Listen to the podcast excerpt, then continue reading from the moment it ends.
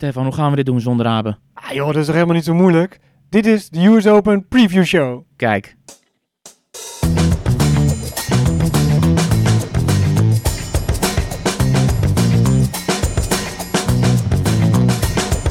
Please take your seats quickly, ladies and gentlemen. Thank you.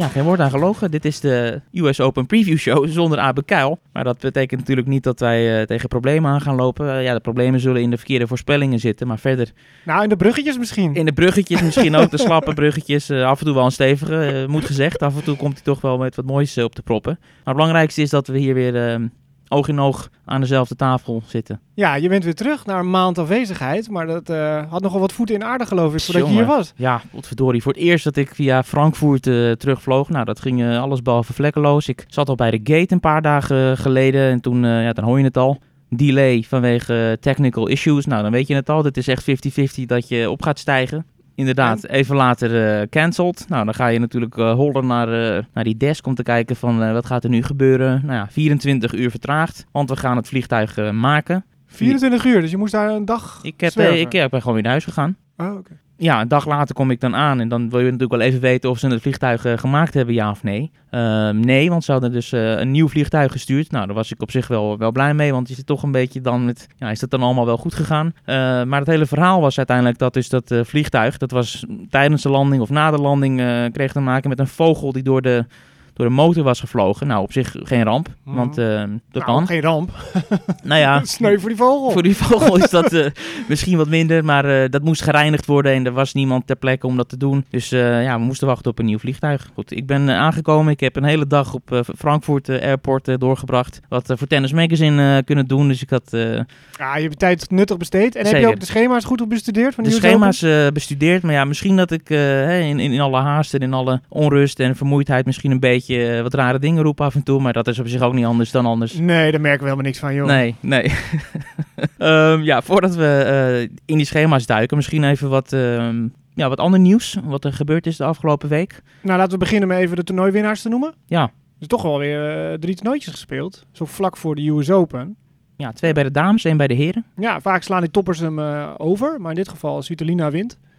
Titel In- nummer 16 in Chicago eh, gewonnen. Annette Kontaveit won eh, in Cleveland.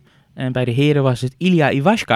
Ja, Die die, is won. goed bezig. Ja, goed, eh, goed jaar eh, bezig. Salem won hij. Heel goed jaar. Ook op Gravel eerder dit jaar al heel goed zien spelen tegen Nadal. In Barcelona was dat, meen ik. Ja, klopt. ja. Want hij won de laatste kwalificatieronde van Tellen Grieksport toen in Barcelona. En de beloning was eigenlijk de eerste ronde dan tegen Nadal te spelen in Barcelona op de pista Rafa Nadal. Ja.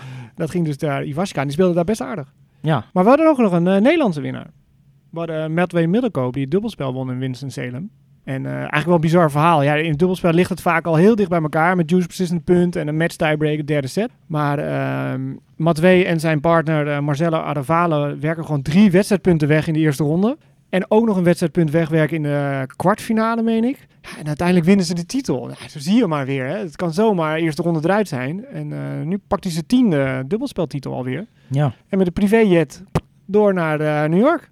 Oh ja? Dus ja, dat was mooi voor hem. Oh, kijk eens aan.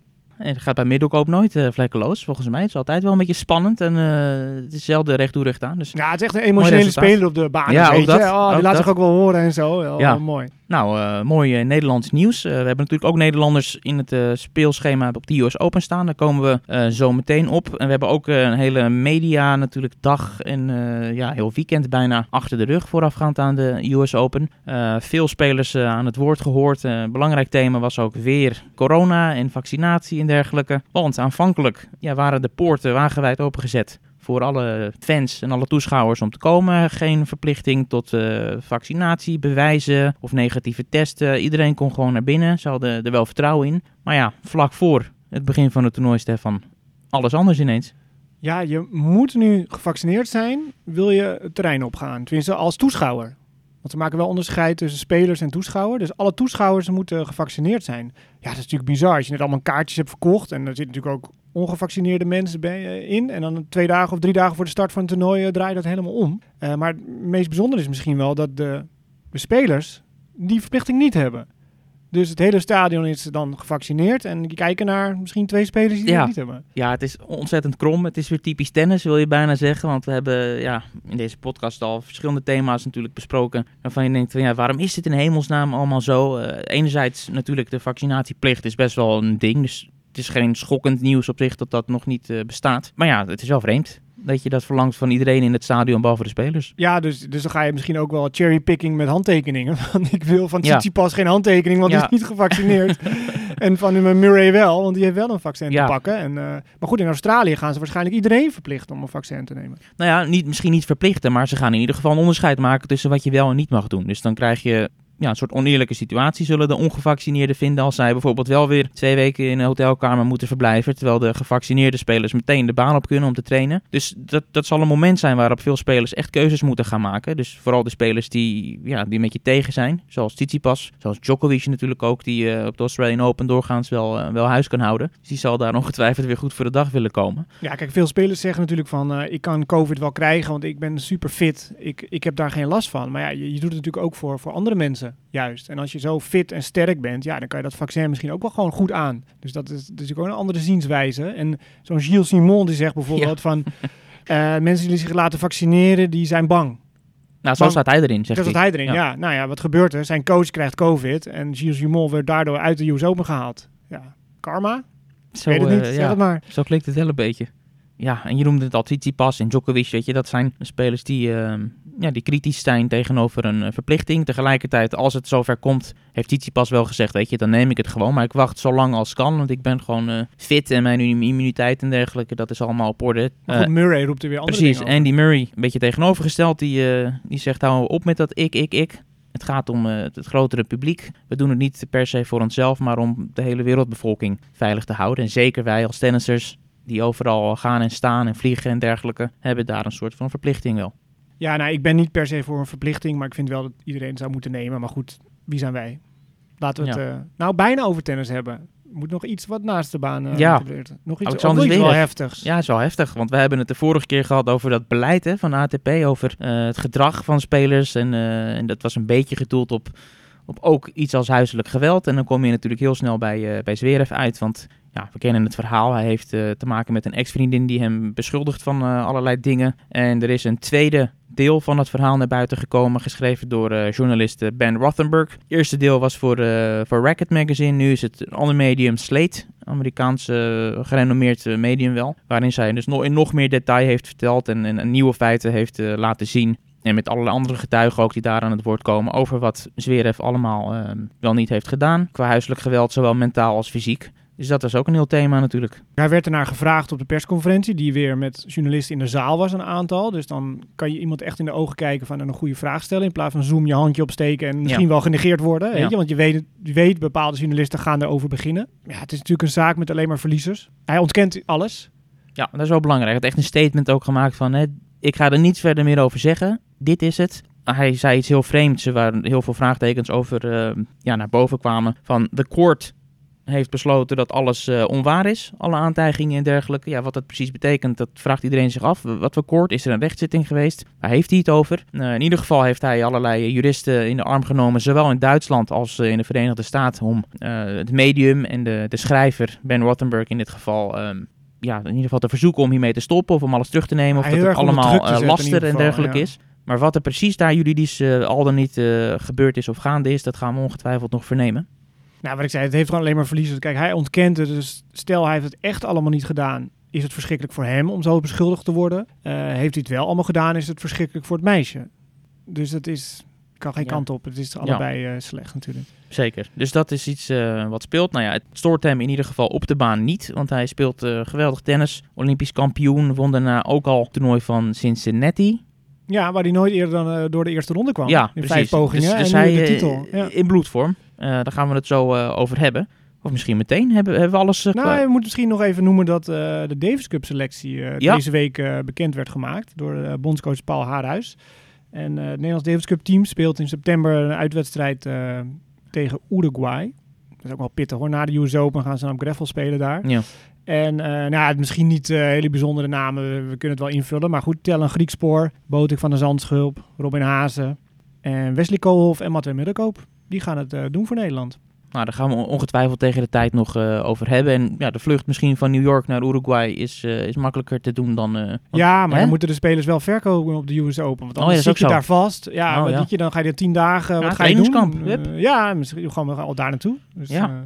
Nou, we vergeten ongetwijfeld nog andere zaken, maar ik denk dat we maar ons moeten gaan we zaten te richten. trappelen natuurlijk om natuurlijk. het speelschema door te, speelschema's. En we beginnen op jouw verzoek bij de dames, Stefan. Want dat is voor jou toch altijd wel eh, waar het gebeurt. Althans, Nou ja, kijk, ik vul hem natuurlijk in vanaf die finale en dan terug. ja, ja, ja, ja. Ja, Want ja, ik heb Arina Sabalenka in nee, de dat meen finale. je niet. Dat meen je niet. Ja, dus het schokkend nieuws natuurlijk. Dit is... eh, Ja, en dan gaan we eens kijken hoe ze daar komt. Maar goed, Ja. laten we, want ze zit onderin het schema, maar laten Ja. we bovenaan beginnen. Ja, dit wordt spannend natuurlijk, tot we daar eh, komen. Want bovenaan niemand minder dan Ashley Barty. De absolute nummer 1 van de wereld. We hebben het de vorige keer ook besproken. Ja, ze volgt successen op gewoon als ze iets heeft gewonnen. Wimbledon, daarna wint ze dan groot toernooi ehm, van Cincinnati. En arriveert als de grote favoriet die in vorm is hier eh, in New York wat mij betreft. Eh 3000 punten los ook van eh, jouw Arina Sabalenka, Stefan. De nummer 2 van de wereld. Ja, zij is gewoon de speler... eh, Ja, maar, maar niet per se in New York. Want Ashley Barty is- heeft nog, ja, met al haar successen die ze overal heeft gehad, is dit wel het minste misschien wel.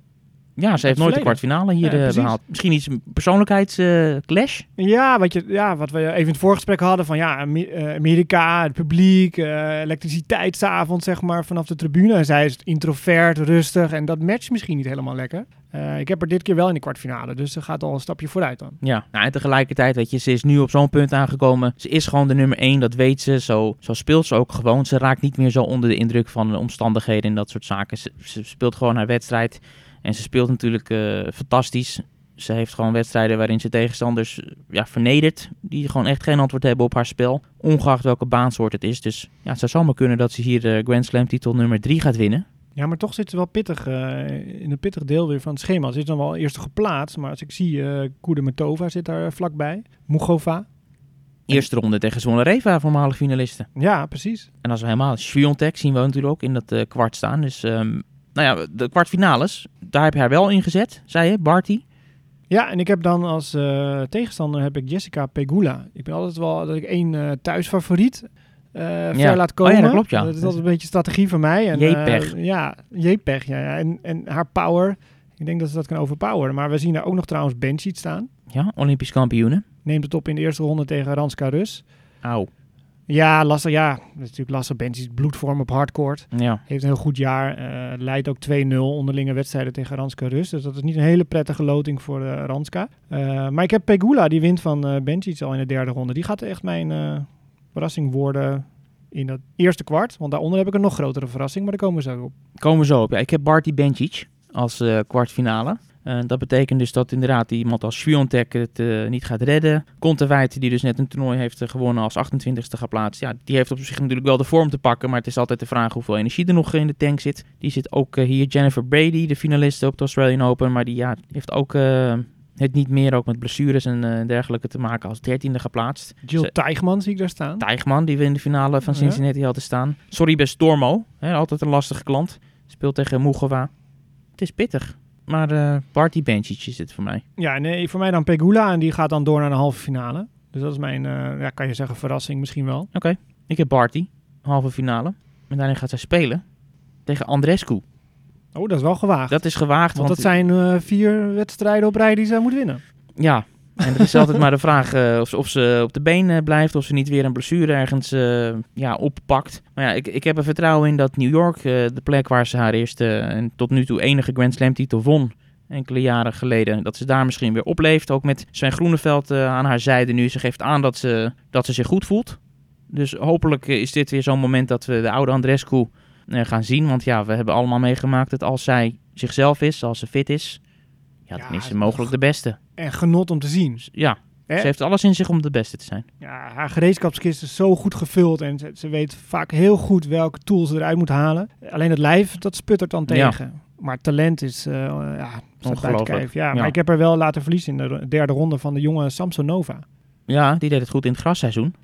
Ja, En die, powerspeler. Maar mijn grootste verrassingen zitten daar eigenlijk van Marta Kostjuk, heb ik verkomen, en Paula Badoza. Ja, dat zijn toch wel spelers die je vaak noemt. Ja, Misschien te vroeg, maar Ja. daar heb ik echt geloof in dat die echt eh, top 5 materiaal is voor de langere termijn. En eh zijn goede vriendinnen tegen elkaar, eh, van elkaar en die gaan tegen elkaar spelen in de kwartfinale. Zo, ja. En ik heb Badoza zelfs helemaal door naar de finale. Kijk eens. Nou, ik heb dan Pliskova Andrescu. Pliskova, goed seizoen. Finale Wimbledon ook. En, en, en ja, Ja, maar je weet nooit bij, bij haar hoe zij Ja. is opgestaan. En want ze heeft maar één speltype en dat is Ja, ik aan denk- of uit. ik denk dat ze nu aanstaat gewoon eventjes. Ja. Deze maanden, deze zomer. En dat ze dat misschien wel even doortrekt. Heeft al een keer de finale gehaald op de US Open, niet te vergeten. Weet dus eh, ja, wat er voor nodig is om ver te komen. Dat maakt trouwens dat wij dus eh, weinig vertrouwen uitspreken in spelers als eh, Anastasia Pavlyuchenkova, Petra Kvitova, Sakari en Ostapenko. Om even de geplaatste spelers te noemen. Ja, zo'n Pavlyuchenkova had wat problemen met de voorbereiding om Amerika Ja. binnen te komen met haar visum. Eh, ja, dat kan enerzijds werken van, nou ja, ik ben er gelukkig, ik ben opgelucht en ik zie het wel, ik heb geen verwachtingen, ik kan vrijuit spelen. Maar aan de andere kant, ja, met de hoge luchtvochtigheid, eh, warmte daar, dan moet je toch wel acclimatiseren. En dat heeft Ja. ze dan gemist. Ja, Pliskova Andrescu, Andrescu, Barty dan halve finale. En Barty finale. Ja, ik heb Pegula Badoza in de halve finale, maar je zou me nu voor gek verklaren. Maar als we kijken naar al die Grand Slams die geweest zijn, Ja, je als zou iedereen gek verklaren als je Ja. dat van tevoren voorspelt. Dus eh, Ja, we hebben ik altijd voor. wel een, eh, een, een Grand Slam finalist, eh, althans een debutant in de finale, misschien zelfs twee. ja. Weet je, dat is allemaal zo gek nog niet. En dan, ja, het derde kwart, Stefan. Dit is ja, dat is smullen. niet te geloven wat hier allemaal staat. We zien Svitolina daar staan, Van Drusova, Kasatkina, Ribakina, Halep, Kerber, Goff, Osaka. Zijn allemaal Georgie. één, allemaal één kwartje. Jezus, ja, dit is een heel... dit is gewoon een, een, een topschema natuurlijk. Voor een, voor een regulier toernooi zou dit eh, een, een waanzinnig schema zijn. Alleen dit Ja, kwart al. Ja, ja, ja, precies. Ja. Ehm, waar kom je op uit? Eh, kwartfinale kom ik uit op eh Ribakina tegen Osaka. Eh Svitolina, die er nu in vorm is. Maar ja, je weet het nooit, vind ik, als je van tevoren een toernooi speelt. Eh, veel toppers doen het niet. Ja, verspilt ze dan heel veel energie. Maar ja, ze tankt ook wel weer vertrouwen. Ik weet niet hoe jij daar tegenaan kijkt. Nee, ik heb, ik heb haar ook niet. Ik heb hetzelfde als jij, Ribakina Osaka. En Svitolina, ja, weet je, op een Grand Slam hou je nooit echt rekening met haar. Het is altijd net even te weinig of ze is net te licht. En dan zie ik alweer dat ze mogelijk tegen Ribakina of zo moet. En dan zie ik het al het plaatje alweer voor me dat ze geweldig van de baan wordt ge- geslagen op power. Dus ja, Ja. dan, dan vind ik het heel moeilijk om die namen op, op dat lijntje op te schrijven. Nou, vergeet niet, ze moet een derde ronde tegen Van Drusova, de zilveren medaillewinnares. Ja. Eh, Weet je, als je bijvoorbeeld Svitolina Kasatkina of zo hebt, dan denk ik, ja, dat kan wel. Weet je, dat is gewoon... ja, ja, eh, ja. ja. hè? Dan gaat te- mee in de rally, lange rallies en zo. Maar die Bekine kan echt het racket uit je handen nemen met die Precies. geweldige service en dan een tweede bal. Ja, Halep hebben we daar staan tegen Georgie. Over speelsters die eh rackets uit de handen kunnen nemen gesproken. Wat een eerste ronde is dat zeg. Ja, is Halep fit genoeg? Ja, Ik heb Georgie door daar trouwens. Georgie is in vorm, hè? Ja, ja, langs de finale van de WTA 1000. nee, ze won. Oh, ze won zelfs. Montreal, ja, precies. Ja, grootste precies. titel uit de carrière. Ja. Oh, ze haalden dus ook finale, anders won ze niet. is niet aan gelogen. niet aan gelogen. Altijd scherp blijven. Ja, Eh, golf hebben we daar nog zitten. Die niet heel erg lekker in vorm is, maar ik heb er toch eh, vierde ronde. Leuk tegen eh, Osaka weer. ja, en ook typisch zo'n speler, een beetje wat ik met Andrescu ook had, weet je. Die dan in, in New York op kan leven omdat eh, de omgeving klopt of zo en past bij haar. Ja, ja Ehm, geweldig. Ik heb Ribakina daar als halve finaliste. Ik ook. Ik heb Ribakina ook eh, laten winnen van eh, Osaka.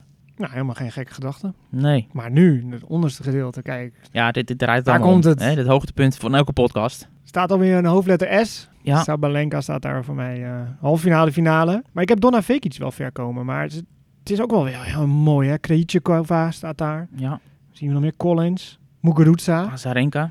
Ja, Zarenka. Mertens. Alexandrova. Dat is ook zo'n zo'n grijs muisje dat misschien eh, onder de radar blijft. Ja. Maar een hele goede speelster. J- Jabeur, niet te vergeten. Ik heb Donna Vekic daar ver staan. Het is wel echt een pittige route. Maar ik zie haar winnen van eh Muguruza. Ik vind het... Vekic is echt zo'n bijtertje die heel veel haalt, heel veel terug. is ook wel met publiek om kan gaan. Maar ze zit wel, wel pittig. Maar die wint van Muguruza en die wint van Azarenka. En van Krejcikova. Ja, je zou wat woorden zeggen. Wat, wat doe je? Ja, vind ik een linker voorspelling. Ik, ik heb ook altijd wel vertrouwen gehad in eh Donna Vekic. Maar om nu te zeggen dat ze dat eh, vertrouwen heeft beantwoord met, met waanzinnige resultaten is een leugen, vrees ik. ja, Ehm, misschien, misschien kwalificeer ik haar ook een beetje op andere kwaliteiten dan alleen maar eh, Oh, oh, ja. tennis. ja het, het is een Het beetje in- ook wat. Het is, het is een beetje in lijn met, met je andere favorieten, Stef. Want jij komt steeds met Kostjuk en met Badoza en met Sabalenka. Dus ik, goed, we Een laten, het, gezonde Hollandse man. we laten het aan de luisteraar om eh, de conclusies eh, te trekken hier. Eh, ik heb Krejcikova in de kwartfinale. Ik vind het geweldig om naar te kijken elke keer weer. En de, de manier waarop zij speelt, het is zo, zo rustig ogenschijnlijk. En die, en die rustige zwaaien en het, het rustige de uitstraling ook. En Ja, je hebt eigenlijk een beetje Barty, hoe zij Ja. speelt. En, Ja. en inderdaad, zo smooth. Ja, ik zie alleen maar het hele grote gele racket. Ja, precies. Het, het is heel herkenbaar. En ze heeft natuurlijk Roland Garros gewonnen, maar daarnaast ook andere toernooien weten te winnen. Dus het is niet dat ze even een piekje heeft gehad en daarna ja, is weggevallen. Ook op Wimbledon deed ze het eh, prima. Dus ik eh, heb haar in de kwartfinale tegen Sabalenka. En Kijk, dat je wint- begint het te leren. En, en dan, dat wint en dan. Sabalenka. Oh. En Sabalenka wint ook van Rybakina in de halve finale. Oh. En dat betekent dus dat zij voor het eerst de finale gaat halen op een major, waarin ze gaat spelen tegen Barty. En tegen Barty heeft ze een mooie rivaliteit ook opgebouwd, vaak tegen elkaar eh, gespeeld. En Ja, het is dus je bouwt hem goed op. De nummer 1 tegen de nummer 2. En ik ga dan voor, ja, dat is werkelijk... Ja, nee, ik moet dan toch... Doe je het? Doe je het? Nee, ik ga omwille van, Ah. eh, van de podcast, want we moeten het natuurlijk niet met elkaar eens zijn eh, voortdurend, ga ik voor Barty. Want ik weet natuurlijk wat jij hebt staan. Ja, ik heb natuurlijk Sabalenka staan. Dat roep ik al, al, al het hele jaar. ik had vier kansen, het is mijn laatste kans. Maar ik heb tegen Badoza in die finale. oké. Dat wordt ook wel, ja... Dat is zijn. voor jou win-win. Dat kan, kan geen eh, verkeerde uitslag eh, uitrollen. Nee, dat, nee, nee, ik ga echt voor Sabalenka. Ja. Ja. Ja. maar zometeen bij de mannenloting dan ga je ook voor Sabalenka. Dus, Oké, nou dan hebben we het gehad bij de dames. Ja, ik kijk er heel erg naar uit. Ik ook. Ja, echt maar- eh, geweldige eerste ronde partijen zien we. En ja, als, je, mooi. als je het op een rijtje zet wat er allemaal in dat schema staat. Zowel zo'n Barty als een Sabalenka die op jacht is. Dan naar een eerste Grand Slam finale. En al die voormalige Grand Slam kampioenen ook. Niet te vergeten. Ja, en hoe eh, gaat Osaka spelen? Ja, Ja, toch ook wel een ook tijd eh, van eh, alles ja. eh, meegemaakt ook weer. En ze heeft trouwens gezegd hè, over dat hele media gebeuren dat ze een beetje spijt heeft van de manier waarop ze dat heeft gedaan op Roland Garros toen. Met, ja, met het niet willen doen van die persconferenties. Dus het is mooi om te zien dat ze weet je, ook zelfreflectie heeft. En dat het niet allemaal alleen maar wijs is naar, naar anderen en hoe vreselijk het allemaal is. Dus dat is goed om te horen. En misschien dat ze nu die last van de schouders heeft en dat ze ook al die spanning met Olympische Spelen en dat soort zaken, ja, kan ze zomaar weer als beste uit de bus komen. Want laten we niet vergeten, ze heeft de afgelopen twee hardcore Grand Slams gewonnen. Ze heeft vier van de laatste zes hardcore Grand Slams gewonnen. Dus weet je, totdat ze een beetje wegviel, was zij gewoon de beste hardcore speler van de wereld. Ja, absoluut. En ja, ik zag er al eigenlijk trouwens ook alweer wat covers staan. Women's Health. En eh, nog Ja, ergens ja, ja. stond ze weer eh, op de cover. En met de Levi's had ze weer een Ja. grote deal. Dus publiciteit schuwt ze niet, laten we het zo zeggen. Nee, nee. Dus bijzonder eh, interessant wat er allemaal gaat gebeuren. Wie er trouwens niet is, dat zijn we helemaal vergeten te melden. Serena en Venus Williams. En dat, Ja. dat merk je wel in zo'n schema, dat die er niet zijn. Ja, zij vormen een, een bijzonder kwartet met de twee andere namen. Met Roger Federer en eh, Rafael Nadal, die er ook niet bij zijn. Sinds 1997 las ik. Voor het eerst sinds 1997 dat die vier, dat er, althans dat er niet één van die vier in Ja. het schema staat. Ja. Ja, het einde van het tijdperk wordt, eh, wordt van wat deed gesproken. jij in 1997? Toen zat ik in eh, groep 1. Ja, dan kun je nagaan. Ja. ja. ja. denk ik. Of twee misschien. Ja, inderdaad, het is, het is waanzin. Ja. Het is absolute waanzin. Die zijn er niet bij, jammer genoeg. Eh, betekent natuurlijk niet dat er eh, niet genoeg anders te bekijken is. En het is denk ik een mooie brug. Abe zou er trots op zijn eh, naar de mannen. Ja, want naast Nadal en Federer zijn er niet. Dominic Thiem is er ook niet, titelverdediger. Is er ook niet de titelverdediger. Maar wie er wel is, laten we eerlijk zijn. Daar draait het allemaal om. Novak Djokovic. Want die staat voor ja, een geweldig moment in zijn carrière. Die kan twee waanzinnige dingen presteren. Ten eerste natuurlijk de Grand Slam winnen. Alle vier de Grand Slam toernooien in hetzelfde seizoen. Want hij heeft de eerste drie al gewonnen. En hij kan ook nog eens Nadal en Federer De 21ste. passeren. Ja, de 21ste Grand Slam titel winnen. Ja, daar werd hem gevraagd van eh, op schaal van 1 tot 10. Hoe zit het met je zelfvertrouwen om hier eh, de titel te winnen? Hij zegt, eh eerst zei hij 11. Hij zegt nee, 21. Ja, ja. Dat is een mooi, mooi gevonden natuurlijk. Eh, Dat was geen toeval dat hij dat eh, cijfer noemde. Dus met het vertrouwen zit het wel goed. Zeker. Met zijn tennis ook. Ja, de Olympische Spelen moeten Nee, dat kijken weten we niet. eh, Hij heeft sindsdien niet gespeeld. Hij heeft geen Cincinnati gespeeld. Hij heeft geen eh, Toronto gespeeld. Nee, maar we weten wel dat het met zijn tennis over het algemeen wel goed zit.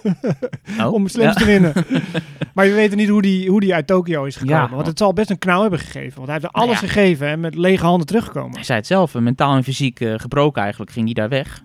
Eh, zoveel wedstrijden gespeeld en eh, zoveel disciplines ook. Hè, en dubbelen en mixen en noem maar op. Alles eh, kwam daar samen. Het was ook geen verrassing dat hij geen voorbereidingstoernooi heeft gespeeld. Maar hij is er en hij heeft vertrouwen in een goede afloop. 21 zoals je zegt. ik Maar heb dus- ook vertrouwen in een goede afloop. Ik heb hem ook als eindwinnaar. Ja, Jij? Ik- Of ga je dan te snel weg? nou, ik heb hem niet als winnaar. Oh, Ja. oké. nou, ja, dat is, dat is niet leuk natuurlijk. Nee, dat gaan we zien. Dan. Ja, dat gaan dan we zo naar zien. die climax. Ehm, dus wat ik erover zeggen? Ik wilde zeggen, ja, Djokovic, eh, enerzijds ultieme topfavoriet. Maar, naast het feit is dat hij de afgelopen weken niet heeft gespeeld, is er nog een ander dingetje waar ik altijd een beetje mee zit. Hij heeft de US Open maar drie keer gewonnen. Er is iets wat, wat daar dan eh, niet lukt of zo. Want als je zijn hele dominantie, hè, de hardcore, de master en eh, noem maar op allemaal, dat zie je niet per se terug in de cijfers op de US Open. Nee, het is geen Australian Open eh, Nee. voor hem, zeg maar. Nee. Wat hij eh, negen keer heeft gewonnen uit mijn hoofd. Ja, zoiets. Zoiets, Ja. ja. ja, is het het publiek? Is het, is het einde van het seizoen? Hè, dat het de tol heeft geëist? Eh, Ja. Drie keer, laatste keer in 2018. Het valt allemaal eh, wel een beetje wat magertjes voor iemand die Nou ja. de, de hardcourt... eh, ja, nou, ja. zo kunnen we het wel zeggen als we naar de rest van de cijfers kijken. Dus misschien dat er weer iets opduikt. De vorige keer was het een lijnrechter die op de verkeerde plek stond eh, voor hem. Die die in de, op de keel sloeg, niet te vergeten, Oh, ja. vorige keer. Ja, dat- Dus er gebeurt altijd iets. Dus ja, misschien Ja. dat, eh, dat een soort vloek eh, rust op hem. Ik zou ook wel een vloek willen trouwens, die resulteert in drie titels. Maar ja. nou ja, laten we het dan maar... Nou, hij staat natuurlijk boven in het schema en hij staat vlakbij Tellen Griekspoor. Want dat is ook een verhaal. Die wordt de allereerste keer qua ranking rechtstreeks geplaatst in een, eh, in een hoofdtoernooi van een Grand Slam toernooi. Dat gaat eh, natuurlijk om flink wat geld en, en, heel fijn dat je daar kan staan. Maar, eh, 75.000 dollar. om ja, want ze hebben het opgehoogd. De winnaar krijgt wat minder en de eerste paar rondes krijgen wat meer. Maar hij kon pas donderdag naar New York vliegen, omdat hij gedoe had met zijn visum, wat we eerder hadden aangekaart. Paspoort verloren. Heeft een aantal jaar geleden heeft hij futures gespeeld in Iran. Is voor werk. En ja, dan moet je altijd, nou, dat weet jij beter misschien dan ik, maar hoe dat werkt met al die visa. Moet je dat weer aanvragen om Amerika in te komen. Nou ja, het, punt is natuurlijk dat er tussen Iran en de Verenigde Staten eh, nou, geen al te beste relatie is op dit moment. En sommige landen die dat hebben, weet je, als er dan een stempel van een bepaald land in staat, dan betekent dat eh, ellende of de, ja, dan heb je gewoon een visum nodig. Want wij weten natuurlijk als Nederlanders, als wij naar de VS eh, willen, hebben we dat normaal gesproken niet nodig. Dan moet je gewoon zo'n ESTA-ding aanvragen. Dat gaat allemaal online, gaat heel snel. Maar ja, voor hem geldt dus eh, iets anders. Ja, en ik had nog even met hem geappt van, eh, dit, nou, hij zei, ja, ik zie het eigenlijk, ja, ik hou hoop, maar de tijd dringt. En eh, uiteindelijk vroeg ik, is het gelukt? En dan stuurde hij alleen maar zo'n locatiedingetje, dat hij in New York was. Hij zegt, je wil niet weten hoe het gegaan is, maar ik ben er. Ja, Dus, maar hij neemt het op in de eerste ronde tegen Jan-Lennart Stroef. Dus ja, stroeve voorbereiding. ja maak ik wil zeggen. Maak, maak maken? hem maar. Ja. maar goed, mocht hij winnen, dan staat waarschijnlijk Novak Djokovic op hem te wachten. ja, Maar ja, goed, stap voor stap. Stap voor stap. En Botik van de Zandschulp, als we even bij de Nederlanders blijven. Heel knap. Wint, eh, wint weer kwalificatietoernooi, kunnen we eigenlijk wel zeggen. Voor Ja. de vierde keer. Dus hij maakt nu ook zijn debuut op de US Open. Na Australië, Roland Garros en eh, Wimbledon. Heel knap. En eh, ja, gunstige lotingen, ongunstige lotingen, mogen we dat zeggen? Ja, weet niet echt. Maar goed, hij speelt tegen een Spanjaard, Carlos Taberner. Nou, dan mogen we zeggen gunstige loting. Dat is een gunstige loting. Staat buiten de top 100. Ja. Dus, maar goed, die zit onderin het schema, maar we waren er bovenin. Ja, bovenin eh, Novak Djokovic. Die eh, zoals altijd het veld aanvoert. Hij speelt tegen Rune, een jonge Deense qualifier. Nou, dat mag geen eh, probleem zijn, eh, lijkt me. Dus ja, goed, laten we maar gewoon eh, meteen doortrekken. Djokovic heb ik helemaal tot de finale, dat wel. Via Berrettini. Wat ook natuurlijk wel een vraagteken is, want die haalde de finale Wimbledon. Dat was heel goed, maar had toen al een blessure. Toen ook geen Olympische Spelen door die blessure. En we hebben hem op het Noord-Amerikaanse hardcourt met wat ingepakte benen en dergelijke gezien. Dus heel veel vertrouwen heb ik op zich niet hoor, in die keuze. Maar ja, Hurkacz zou ook nog kunnen misschien. Die staat eh, in dit gebied.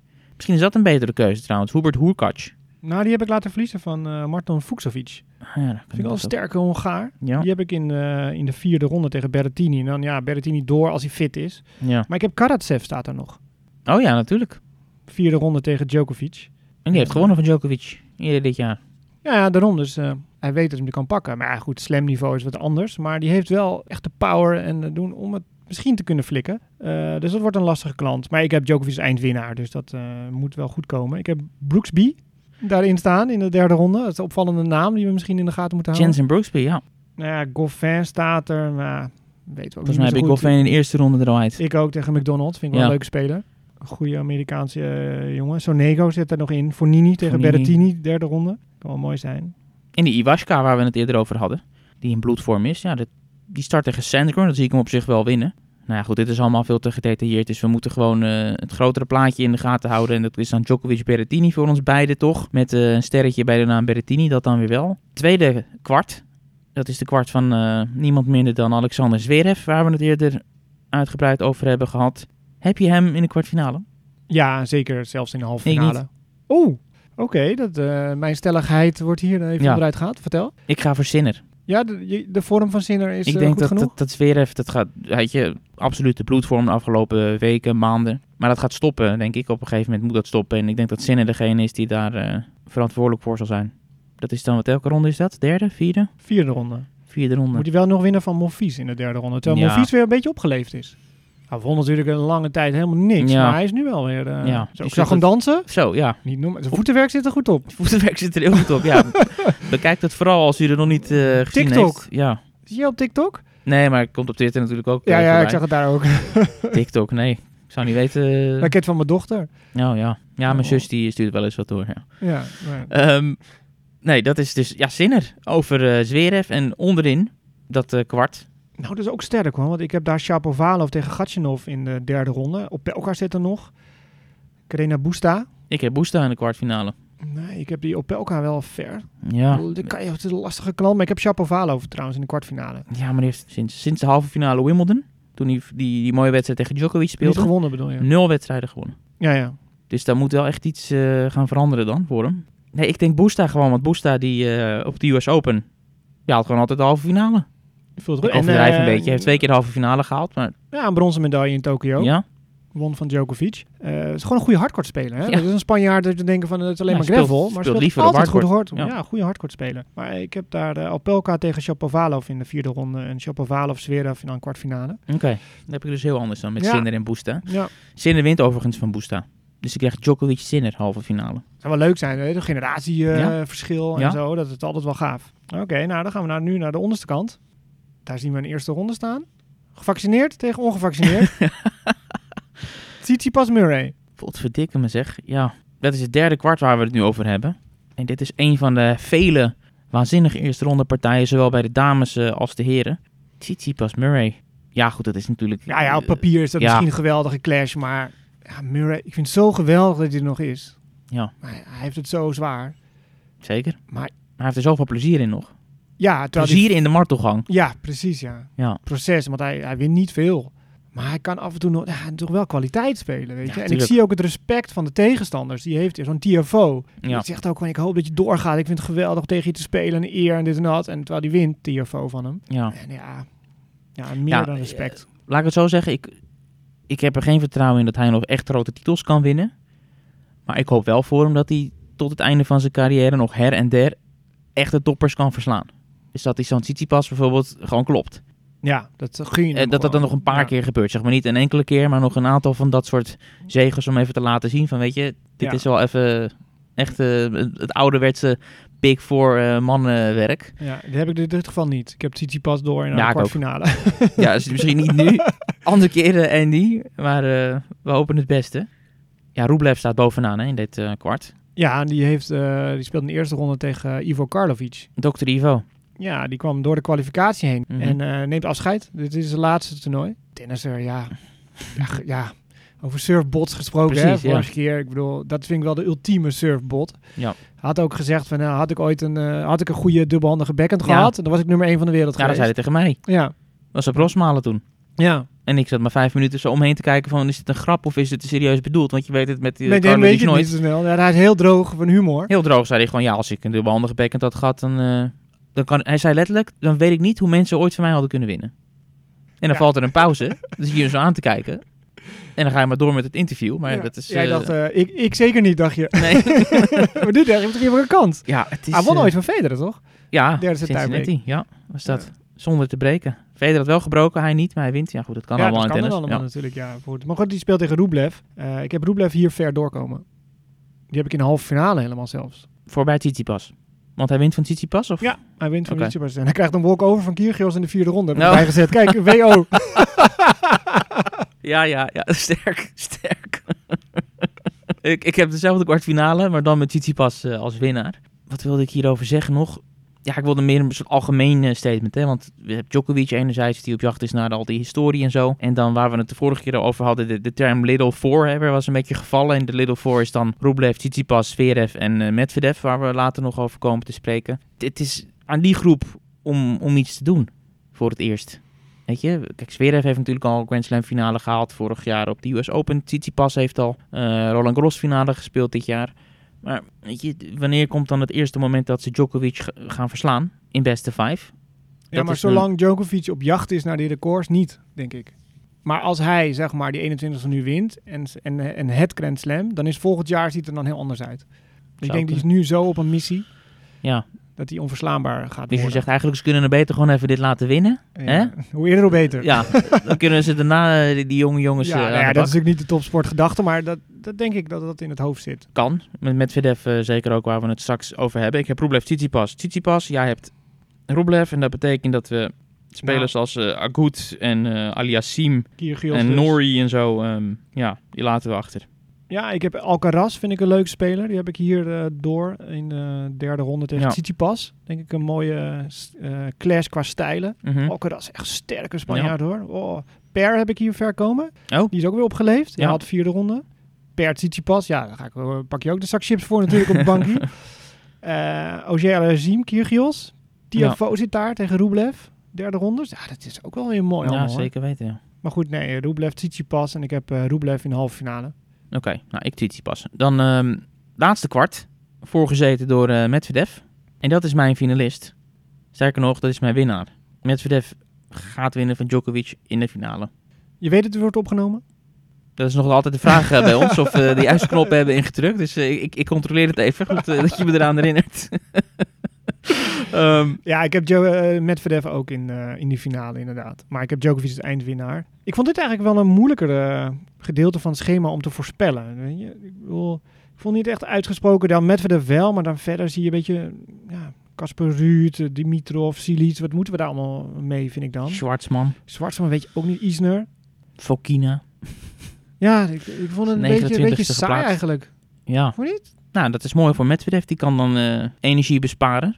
Ja, ik heb wel Ruud, Casper Ruud in de kwartfinale. Want de, man, de man is wel op tik dit jaar. Ja, maar dat is volgens Veel mij wedstrijden. Typisch zo'n speler dat als hij dan tegen Medvedev staat, dat hij dan helemaal dol eh, gespeeld ja. Ja, ik heb een Medvedev als winnaar. Maar ik bedoel, als je kijkt naar Ruud en dan Tonga of ik niet te veel voor, Davidovic nee. voor Kina, Zwartsman. Ja, we, ja, geen idee. Daar kan hij gewoon van winnen.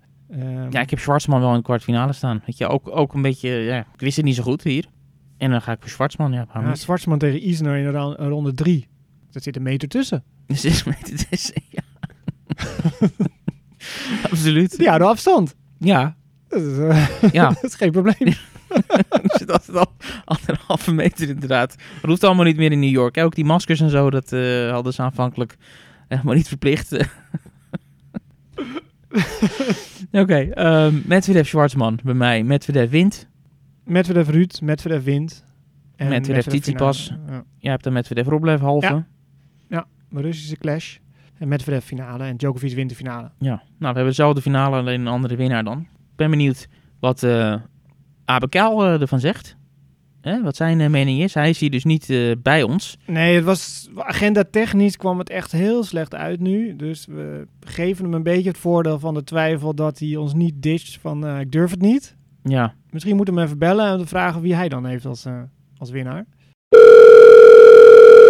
Ja, mannen, daar ben ik dan. Helaas dus eh, zonder jullie deze week. Ik zit in mijn trainingspakje nog bij, volgens mij het TC, de Doordraaiers. De Doordraaiers, in elk geval is de naam van de, de, de tennis- en padelclub waar ik nu ben. Ja, natuurlijk, jullie hebben het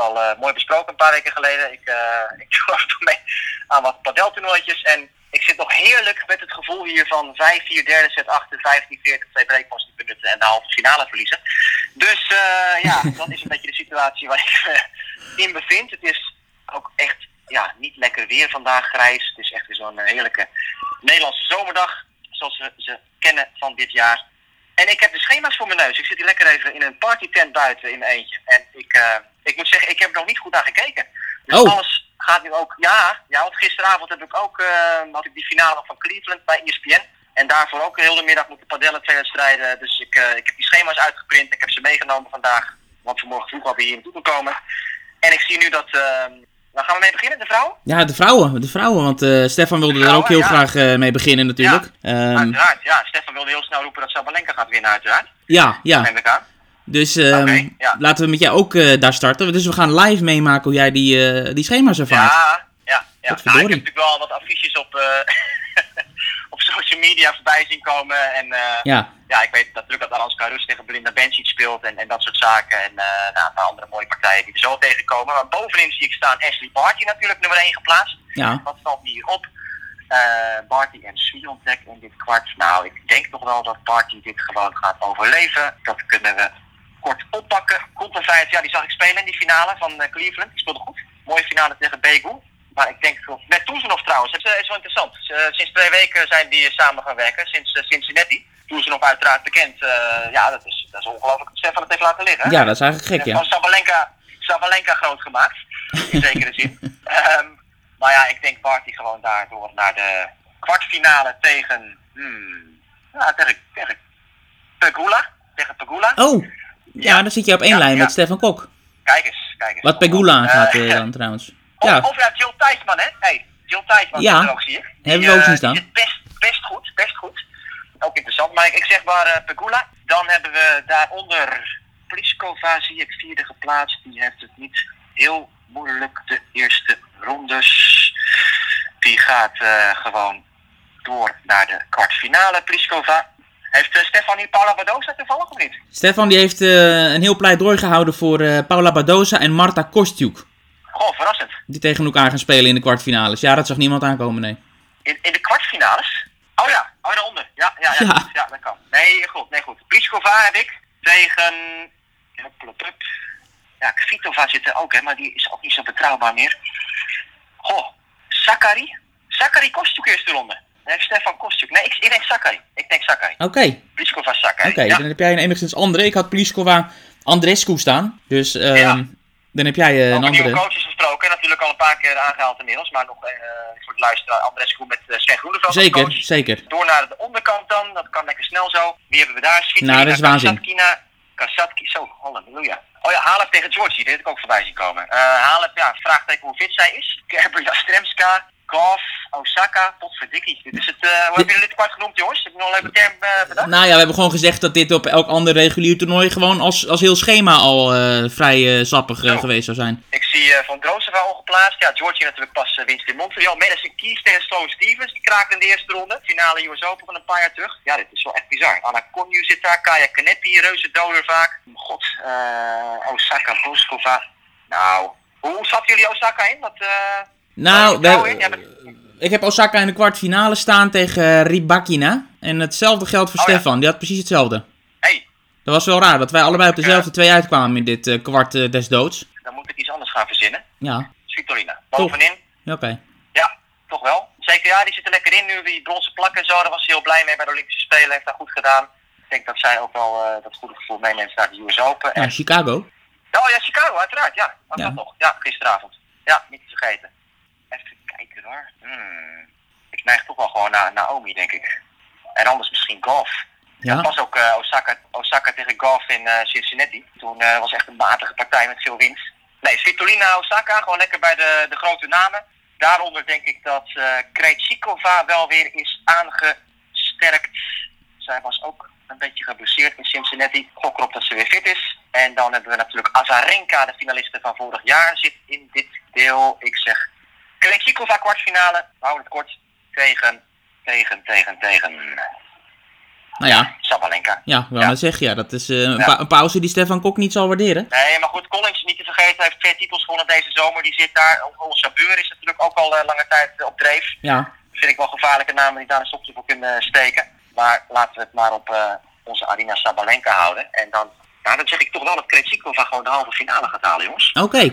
Oké, ik, had, ik Ja, had ook ja. Krejcikova Sabalenka genoteerd. Maar jij hebt dus Ja. eh, andere plannen. Ja, maar ik zal even uitleggen waarom het is. Want zij heeft natuurlijk heel veel toernooien gespeeld. Afgelopen eh, ja, ja, maanden. Alleen wat me nog zoveel bijblijft is in Cincinnati. Eerste ronde won ze. Ik weet, e- ik weet echt niet van wie. Ja, ik heb even ook geen informatie hier voor mijn neus. Maar toen het interview, toen ze die wedstrijd had gewonnen. En ze, ze stond daar zo te stralen en zo blij. En ook echt oprecht van ja, ik vind het zo mooi dat ik nu voor de eerste keer in, in het Centicourt die van Cincinnati kan spelen. En die, die leeft echt nog helemaal op zo'n roze wolk. Dus totaal geen sprake van mentale vermoeidheid in elk geval. Ze had dus wel een voetblessure waardoor ze van, van Barty ja, verloor eh, met, met echt pijn aan het eind. Dus ik hoop dat ze weer fit is. Maar ik, ja, ik, ik zie echt nog wel eh de enthousiasme, die positiviteit, de gretigheid van Krejcikova. Dat ik denk, dat gaat ze gewoon doortrekken nog. Daar is deze US Open. Ja. En dan in de halve finale tegen eh Svitolina. En laten we dan maar gewoon zeggen dat ze de finale haalt. Onze, onze Barbara. Nou. Gedacht aan het begin van het jaar. Maar dat, eh, die, eh, die hebben jullie niet, denk ik, hè? Nee, nee, we hebben het wel over haar gehad als, als speelster waar we graag eh, naar kijken. Maar eh, z- zoveel vertrouwen als jij hebt, eh, dat, dat kon natuurlijk niet met Sabalenka ook eh, in dat eh, gedeelte. Nee. Dus jullie Eh, hebben allebei Sabalenka aan de finale, begrijp ik. Ja. Ja. Hey. ja, Stefan heeft haar als eh, winnares. Ik heb, eh ik heb Bartin als winnares. Ja, ik zeg ook, ik zeg Bart die wint van Krejcikova aan de finale. En dan eh, kunnen we een hamer op tikken. Nou, dat is genoteerd. De mannen. Dat is genoteerd. Ja, van wie gaat Djokovic eh, de finale winnen? Dat is de grote vraag natuurlijk op voorhand. Even kijken.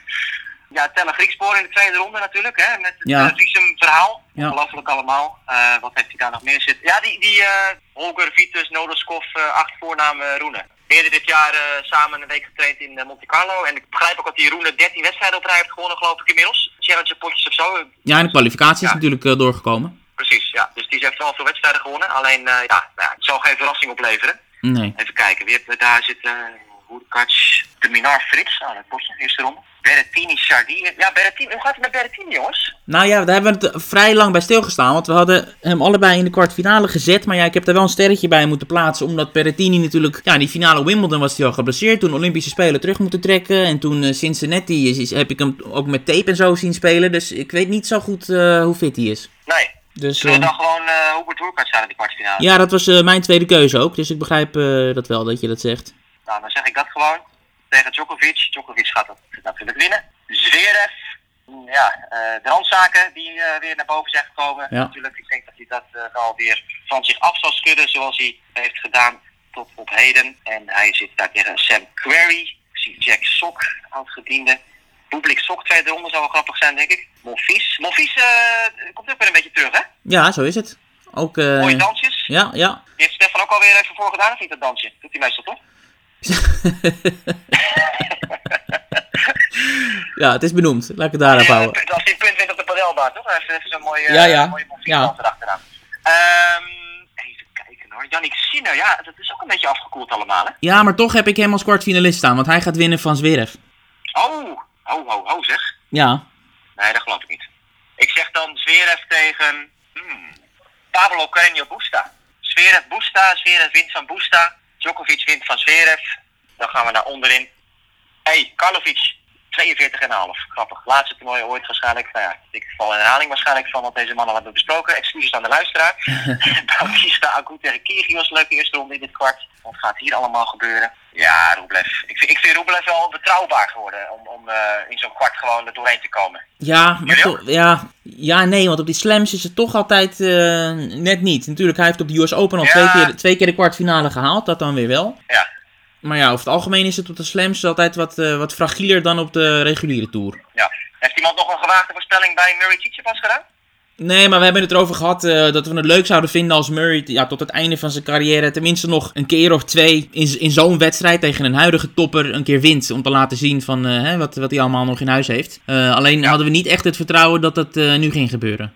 Ik zag wel iets leuks voorbij komen nog, want Murray speelt tegen Tsitsipas en daar gelijk onder staat Tsonga tegen Ruud. En ehm, ja, als, als je een paar euro inzet of zo op, op winst van allebei, weet je dat je, dat je keer 50 of keer, keer weet ik veel, hoeveel je geld zou terugkrijgen. En het, het ondenkbaar is dat je een paar jaar geleden, ja, de eerste ronde van Murray en dat waren natuurlijk inkoppers destijds. Ja, En precies. nu spelen ze tegen de nummers 3 en 8 geplaatst. Dat is wel, eh, ja, de rest denk ik dat er allemaal veel, veel is veranderd. Van de Zandschulp zit daar eh, ook weer, ja knap hè, dat hij weer door de kwalificaties is gekomen natuurlijk. Ehm, ik zeg Rublev tegen uh, Tsitsipas. Ik heb Ja. een gek gevoel bij Tsitsipas. Ja, en hij heeft een gek gevoel bij de vaccinaties en dat is ook allemaal eh, te sprake gekomen, Ja, dat hele verhaal. echt, eh, Ehm, maar Stefan en ik hadden beide dus eh Rublev en Tsitsipas ook. Alleen hij heeft Rublev als winnaar en ik Tsitsipas. Ja, vind ik interessant. Ik zit, ik zit toch een beetje aan Norrie te kijken. Ach, gauw op. Daar heb ik grote fan van, weet ik. De- Ja. Tegen Alcaraz. Ja, interessante eerste Ja. partij. Dus het kan ook wel eens een, eh, een doorbraakje voor Alcaraz worden misschien. Natuurlijk al een jaren wel op de radar bij de echte tennis insiders. Die, eh, die jonge Spanjaard, die sterk is gebouwd ook. ja. En eh, jij bent er ook wel fan van geloof ik toch? Alcaraz, ik was wel de indruk ja, van wat ik gezien heb tot nu toe. Ja. ja tegen Norrie en dan misschien ja, derde ronde tegen Tsitsipas. Zou leuk zijn. Maar ik, ik, ik sluit me bij Stefan aan. Rublev wint van Tsitsipas. Oké? Haalt de halve finale. Ja. En dan hebben we nog over Daniel Medvedev. Die gaat Gasquet alle kanten op, opvegen in de eerste ronde. Cilic. Ja, dit vierde kwart is niet zo boeiend. Eerlijk is eerlijk. Ik denk dat daar misschien zomaar gewoon John Isner in de kwartfinale kan komen. Ja. Tegen Medvedev. Want je hebt daar Schwartzman, Ruud. Ja, Isner, Isner, Medvedev, Medvedev wint. Oh, Medvedev, Rublev in de halve finale. Ja. En dan zou het toch eh Djokovic Medvedev weer kunnen worden. Ja, dat is ook zo. En Medvedev gaat Ik zeg winnen. altijd, ik, ja, oh, dat heb je gezegd. Ja, hey, ik, ik word er steeds belachelijk om gemaakt in die voorspelling. En nu eh weer Avakian eh neemt het patent erop over. nou ja, belachelijk gemaakt. Ik heb gewoon gezegd dat het eh, nog niet echt is gelukt op de slams tegen Djokovic. Nee, nee, zeker niet. Nee. Maar ja, dat moment moet toch een keer komen, hè? Dus eh, laat dit het zijn. Ja. ja, ik heb ook wel zo'n gevoel dat ik het gewoon ga doen. Ja. Ja, Stefan niet. Die gaat voor Djokovic. Djokovic die van Medvedev wint. Ja. Oh, dat is lastig hoor. Het is- je ziet ook al voor je natuurlijk, hersteld is die finale. Ja, en Djokovic met zijn over mijn lijk mentaliteit. Zeker, dat is dan echt de grootste over wedstrijd uit zijn carrière als het zover komt. Dat is ook wel moeilijk voor te stellen dat hij dan uitgerekend de fout in zou gaan. Maar aan de andere kant, ik moet ook nu weer aan die Olymp- Olympische Spelen denken. Hè, dat een grote vink die Djokovic toch wilde zetten in zijn loopbaan, Olympisch goud. Ja. Dan zie je toch dat hij daar ook in één keer, hij kan toch dan wel spanning voelen. Ja, en- en, en- echt toen hij die break voorkwam, tweede set, in één keer zag je gewoon, heb ik echt nooit gezien bij Djokovic op zo'n groot moment, grote wedstrijd. Dat hij dan toch verliest. Dus dat zou dan ook tegen Medvedev kunnen gebeuren. En zeker ook vanwege die geschiedenis in het verleden, dat Medvedev toch vaak Djokovic pijn heeft kunnen doen in, eh, in die partijen. En ook gewoon vanuit de baseline eh, het spel kon dicteren en eh, de punten kon pakken. Dus ik vind het wel een hele interessante als het zover komt. Dus je moet dan kiezen of voor Stefan of voor jouw kant, zeg maar, in die finale. Ja, daar komt het neer. Jongen, jongen. nou, ik, ik, zeg- nee, ik, zeg, ik zeg Djokovic, omdat ik de kans groter vind dat Medvedev een misstap maakt daar, daarvoor. Of het echt die finale wordt, dat, dat is een, vind ik een grotere twijfel aan de onderkant van het schema. Als het echt die finale wordt, dan geef ik Medvedev een goede kans. Maar als je nu zegt, wie wint de US Open, dan zeg ik toch ieder Djokovic. Dus dan, eh, ja, dan zeg ik toch van Djokovic. Nou, dan hebben we alles binnen. Alle info, Dus dat, ja. alle data. Ja, ik ga verder met mijn eh, frustraties eh, wegdrinken hier. Eh, rustig aan, ik moet nog rijden. Dus lekker de 0.0'tjes. Maar Ja. Ik eh, zeg ook alvast tegen alle luisteraars: veel plezier met de US Open. En veel plezier nog met eh, het restant van deze podcast. En namens mij alvast gauw weer tot de volgende keer. Ja, dat was eh Abe Keil. Aangezien we het op dit moment nog niet weten, kunnen we nog niet echt eh, inhaken op, eh, op zijn opmerkingen. Maar we gaan hem Dus, erop afrekenen. Bij de, we gaan hem de, de, volgende keer, volgende keer. zeker eh, op aanspreken. Ja, zijn we dan aan het einde gekomen? Ja, jij moet je eh, gaan klaarmaken, denk ik, voor de... Commentaardiensten, zeker. Ja, de vroege nacht als het goed is. Dus Op de Eurosport Player is alles te zien. ja, ja, ja, Eh, zoals altijd eigenlijk. Hè, tijdens de Grand Slams op eh, zowel op, op Eurosport, gewoon de, de zenders, als eh, Eurosport.nl, moeten we tegenwoordig eh, zeggen. Niet meer de, player. Ehm, is het allemaal te volgen van eh, begin tot eind. Dus ook al de, de Nederlanders eh, zijn daar te zien die misschien niet op de, op de grote banen staan. We kunnen misschien meteen wel even ja, kijken. want maandag komt al een Nederlander meteen Ja, ja, de Botik die, eh, die start meteen. Hij staat als derde gepland op baan 15. Dat is eh, na vijf uur Nederlandse tijd. Dus ja, dat is op zich te doen Rond in Nederland. negen of zo, half tien eh, Ja, misschien. En dan op dinsdag hebben we dan eh, Tellen en Ranske Rus in actie. ja. En ook gewoon als we kijken naar de grotere banen. Het begint meteen op dag 1 met eh, Madison Keys tegen Sloane Stevens. Wat een, een finale is geweest Ja. in 2017 geloof ik. Toen Sloane Stevens won. Andy Murray, Tsitsipas ook meteen dag 1. Osaka en Medvedev Gasquet. Is, is een leuke eerste ronde partij. En we hebben Georgi Halep ook eh, om, mee te beginnen. Rublev Karlovic. Vekic eh, Muguruza. Bautista Agut. Nick Kyrgios, noem maar op. Ja, het is... eh, Is US Open jouw favoriete Grand Slam? nee, Wimbledon. Want? Ja, dat is gewoon eh, sfeer. Ik hou wel van het klassieke element van, van de sport. Maar ik, ik vind alle Grand Slams echt te gek. En ik vind New York sowieso is een van mijn favoriete steden. Misschien wel mijn favoriete stad sowieso, waar ik geweest ben. Dus in dat opzicht eh, ben ik wel echt een enorm fan van de US Open. Ja, ik vind op US Open is het onrustig om die baan heen en zo. En, en- Ja, ja, zeker. En als je dan die, die camera hebt en dan gaan altijd mensen aan dansen. ja, Die is, weten dan dat ze in beeld zijn. het is het Amerikaanse eh, sportpubliek. Dat is eh, wat Ja. anders dan wat wij eh ja, kou kakken een beetje gewend zijn hier eh, ja. in Nederland en omstreken. Ja, ik vind Roland Garros dan toch... Ik vind het geluid van Roland Garros, dat vind ik, dat vind ik heerlijk. Ja. En dat, dat, dat glijden en dan hoe ze die bal raken en hoe die camera, eh, de microfoon het ook oppikt. Ja, dat vind ik echt genieten. Maar ja, goed, het is leuk dat ze zo uit taal, taal verschillend zijn. Hè? Dus, eh, Ja, ja, zeker. Weet je, alle vier de slams die hebben een totaal eigen, eigen karakter, een eigen geluid, zoals je zegt, een eigen geur ook. Want op, in de catacombe op de US Open, daar ruikt het naar hamburgers. En dat is ook, eh, zeg maar, ook het eten. Hè. Als media kan je natuurlijk overal eh, terecht voor je, voor je lunch en eh, diner. En dat is op de US Open is dat voornamelijk eh, hamburgers en cheeseburgers. en Philly cheesesteak en dat soort dingen. weet je, die doen er niet eh, moeilijk over. Die gaan niet eh En calorieën tellen, dan doen ze quinoa en dat soort onzin. Ja, dat kan wel, maar dat is... Ja, de moet- vliegtuigen die overkomt af en toe. Ja, Nou ja, en het is wel mooi te zien, hè. De, de Nederlandse tijd vijf uur beginnen. Dat is natuurlijk ideaal. ja, Ik vind het ook wel mooi wat ze doen met eh, de kledingmerken, weet je. Die hebben ook wel iets speciaals als het voor de US Open. Dan hebben ze vaak een eh, overdag eh, tenue. En als je dan s'avonds speelt, weet je, dan zie je dat er toch een avond ook tenue Ja. hebben. Een zwart jurkje van Sharapova. Of uh, nou, dat je Federer in het zwart bijvoorbeeld speelt voor de Ja. night sessions. Dat vind ik altijd wel, wel heel gaaf ook. hè. ja. Nou, we gaan het allemaal in de gaten houden, ook de outfits. En eh, natuurlijk eh, de resultaten en eh, kijken of onze voorspellingen ook maar enigszins in de buurt komen. Ik zal het wel een keer goed hebben. Ja, weet je, als je het maar lang genoeg Ja, blijft roepen, dan Precies, de komt dag het komt steeds uit. dichterbij dat ik het goed heb. Ja, ja, ja, ja. Bedankt voor het luisteren en heel veel plezier met het kijken naar de US Open. Tot de volgende.